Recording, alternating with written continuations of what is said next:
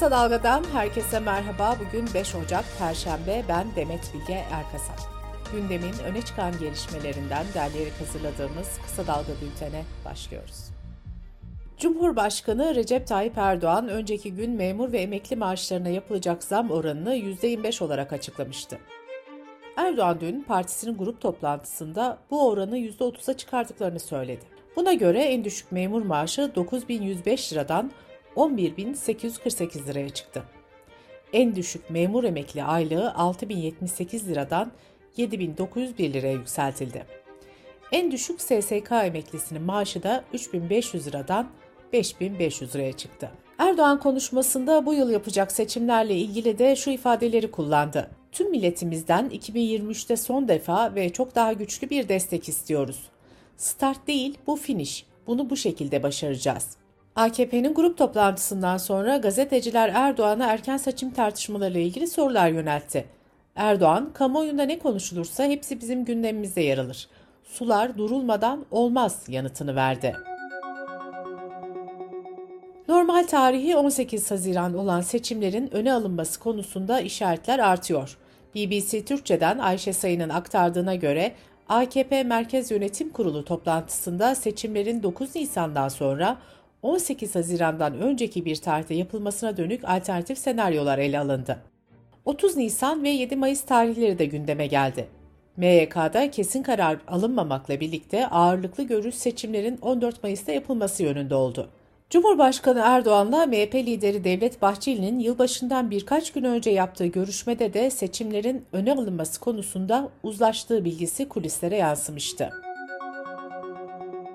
Güçlendirilmiş parlamenter sisteme geçişi hedefleyen 6 muhalefet partisinin kurmayları tarafından hazırlanan 2200 maddeli ortak politika belgesi genel başkanlara sunuldu.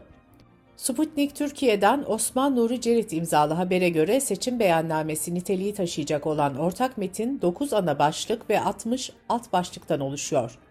Altılı Masa'nın adayının Cumhurbaşkanı olması durumunda yapacağı icraat bu belge içerisinde tek tek sıralanıyor. Deva Partisi Genel Başkanı Ali Babacan, Cumhurbaşkanı adayının Şubat'ın ilk haftasında açıklanabileceğini söyledi. CHP lideri Kemal Kılıçdaroğlu'nun adını geri çekmesi durumunda yerine Ali Babacan'ı önereceği iddiaları gündeme gelmişti. Babacan da adaylık konusunda açıklamalar yaparak altılı masa böyle bir mutabakata varırsa hem seçilebilme sorunu olmaz hem de en iyi şekilde yaparım dedi. İstanbul Büyükşehir Belediye Başkanı Ekrem İmamoğlu, İçişleri Bakanlığı tarafından yürütülen terör soruşturması ile ilgili dün bir kez daha kameralar karşısına geçti. Ekrem İmamoğlu, İçişleri Bakanı Süleyman Soylu'nun terörle bağlantılı olduklarını öne sürdüğü kişilerin adli sicil kayıtlarının temiz çıktığını belirtti. İsimler ve örnekler veren İmamoğlu, bir kişinin arşiv taraması nedeniyle işten çıkarıldığını, valiliktense 8 ay sonra herhangi bir suç örgütüyle ilişiği bulunmamaktır yazılı belge geldiğini söyledi. İmamoğlu, Süleyman Soylu hakkında suç duyurusunda bulunacaklarını da belirtti.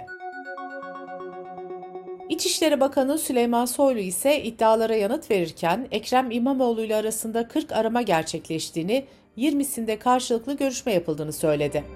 Adalet Bakanı Bekir Bozdağ ise İmamoğlu'nun hakim ve savcıları tehdit ettiğini savunarak yargıyla kavgayı bıraksın, İstanbul'un sorunlarıyla ilgilensin dedi. Türkiye'de 171 kadın ve LGBTİ artı hakları savunucusu örgüt, muhalefet partilerine anayasa değişikliği teklifini reddetmeleri için çağrıda bulundu. Açıklamada teklifin anayasanın eşitlik ve laiklik ilkelerine aykırı olduğu belirtildi.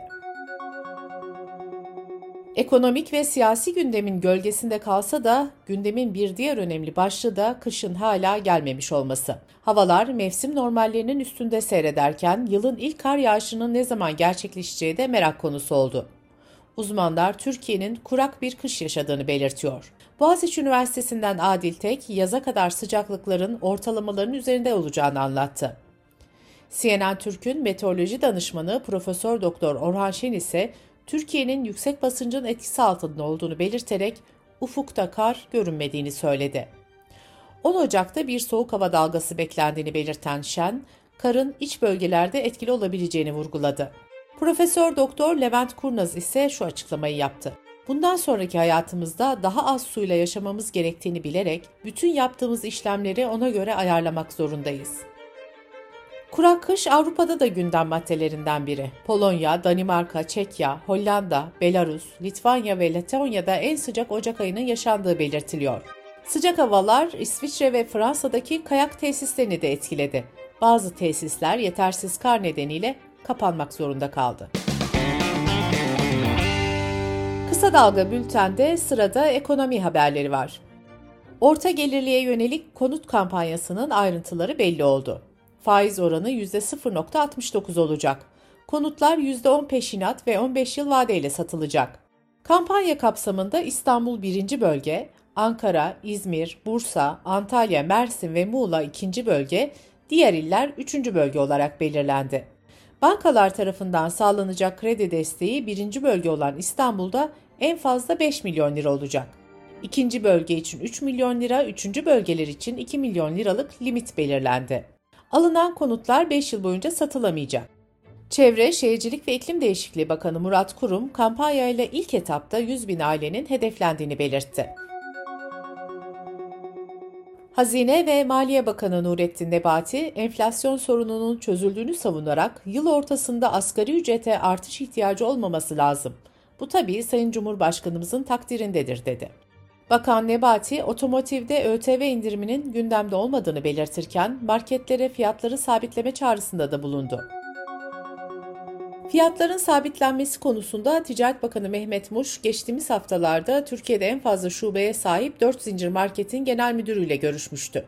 Bu görüşmeden sonra şok marketler Ocak ayı boyunca 1000 üründe sabit fiyat uygulamasına geçmişti. Migros da dün yaptığı açıklamada 419 temel ihtiyaç ürününde fiyatları sabitlediğini duyurdu. Türkiye'nin birçok kentinde ekmek 5 liradan satılırken Fırıncılar Federasyonu Ocak ve Şubat'ta ekmeğe zam yapılmayacağını söylemişti. Kötü haber simitten geldi. Ankara Simitçiler Odası Başkanı Savaş Delibaş, simite zam geleceğini ve Ocak ayı sonuna doğru 7 lira olacağını söyledi. Bankalar arası kart merkezi Ekim 2022 kart istatistikleri raporunu açıkladı. Buna göre Türkiye'de kredi kartı sayısı 100 milyona yaklaştı. 2022'de kredi kartıyla yapılan toplam ödeme tutarındaki artış ise %123 oldu. Dış politika ve dünyadan gelişmelerle bültenimize devam ediyoruz. Cumhurbaşkanlığı Sözcüsü İbrahim Kalın, Suriye ile 11 yıl sonra başlayan temaslar konusunda Suriye perspektifimiz aynı, değişmedi. Dışişleri Bakanları görüşecek. Ancak yeni görüşme için bir tarih ve yer belirlenmedi dedi. 28 Aralık'taki görüşmenin olumlu geçtiğini belirten Kalın, rejimin atacağı adımları görmek istediklerini de vurguladı. Bu arada Türkiye'nin Suriye ile ilişkileri konusunda ABD'den açıklama geldi. Dışişleri Bakanlığı Sözcüsü Ned Price, Esad rejimiyle ilişkileri normalleştirmenin zamanı olmadığını belirtti. Ned Price, Suriye hükümetine yönelik politikalarının değişmediğini ve Türkiye'de dahil ülkelerin Şam'la ilişkilerini düzeltmesini desteklemediklerini söyledi. Rusya Devlet Başkanı Putin'in Ukrayna Savaşı temalı kahramanlık filmleri çekilmesi için Kültür Bakanlığı'na talimat verdiği bildirildi. Geçen yıl 24 Şubat'ta Nazilerden arındırmak gerekçesiyle Ukrayna'ya saldıran Rusya, savaş yerine özel askeri operasyon söylemini kullanıyor. Savaşın başlangıcından bu yana Rus devlet medyasında Rus askerlerinin kahramanlık hikayeleri öne çıkarılıyor. Rusya'da Ukrayna bağlamında savaş ve işgal kelimelerinin kullanımı yasak. Ukrayna Savaşı'nı eleştirenler de hapis cezası tehlikesiyle karşı karşıya. Amerika'da Cumhuriyetçilerin çoğunluğu devraldığı Temsilciler Meclisi'nde eski Meclis Başkanı Nancy Pelosi'nin görevi bırakmasının ardından Cumhuriyetçi lider Kevin McCarthy meclis başkanlığında yapılan 3 tur oylamada da başarısız oldu. Cumhuriyetçi Parti içindeki muhafazakarlar McCarthy'nin üyeliğine karşı çıktı. McCarthy son 100 yılda ilk turda meclis başkanlığını kazanamayan ilk isim olarak tarihi bir yenilgi aldı. Temsilciler Meclisi'nin yeni başkanı belirlenmeden yeni kongre üyelerinin yemin ederek göreve başlaması ve yeni komisyon başkanlarının belirlenmesi de mümkün değil. Almanya'da yapılan bir anket hükümete güvenin 22 puan düşüşle %34'e kadar gerilediğini ortaya koydu. Ankete göre meclise duyulan güven %37'ye, siyasi partilere duyulan güven de %17'ye kadar düştü. Avrupa Birliği'ne duyulan güven de %7 azalarak %31'e geriledi. Japonya'da hükümet diğer bölgelerdeki nüfus düşüşünün önüne geçmek için Tokyo'dan taşınma kararı alan her aileye çocuk başına 1 milyon yen para yardımı yapılacağını açıkladı. Çin'de Covid-19 tedbirlerinin gevşetilmesinin ardından virüsün ülkenin en büyük şehri Şangay'da nüfusun yaklaşık %70'ne kadar yayıldığı tahmin ediliyor. Çin'in geleneksel yeni yıl kutlaması olan Bahar Bayramı tatilinde de virüsün daha geniş alana yayılacağı ve salgınların daha fazla can kaybına yol açabileceği uyarısı yapılıyor. Amerika Gıda ve İlaç Dairesi ilk kez bir kürtaj hapının eczanelerde satılmasını onayladı. Amerika'da yüksek mahkemenin kürtaj hakkını güvence altına alan kararı geçen sene iptal etmesiyle birlikte kürtaj haplarına olan talep artmaya başlamıştı. Bültenimizi kısa dalgadan bir öneriyle bitiriyoruz. Cinsel Sağlık ve Üreme Sağlığı Hakları Platformu ve Kısa Dalga İşbirliği ile hazırlanan Bedenin Hakkı, Cinsel Hakları Konuşuyoruz podcast serimiz bugün başlıyor. Gazeteci Dilek Yediğin hazırladığı podcast'in ilk konuğu Cinsel Sağlık ve Üreme Sağlığı Hakları Platformu Proje Koordinatörü Yonca Cingöz. Bedenin Hakkını kısa dalga.net adresimizden ve podcast platformlarından dinleyebilirsiniz. Gözünüz kulağınız bizde olsun. Kısa Dalga Medya.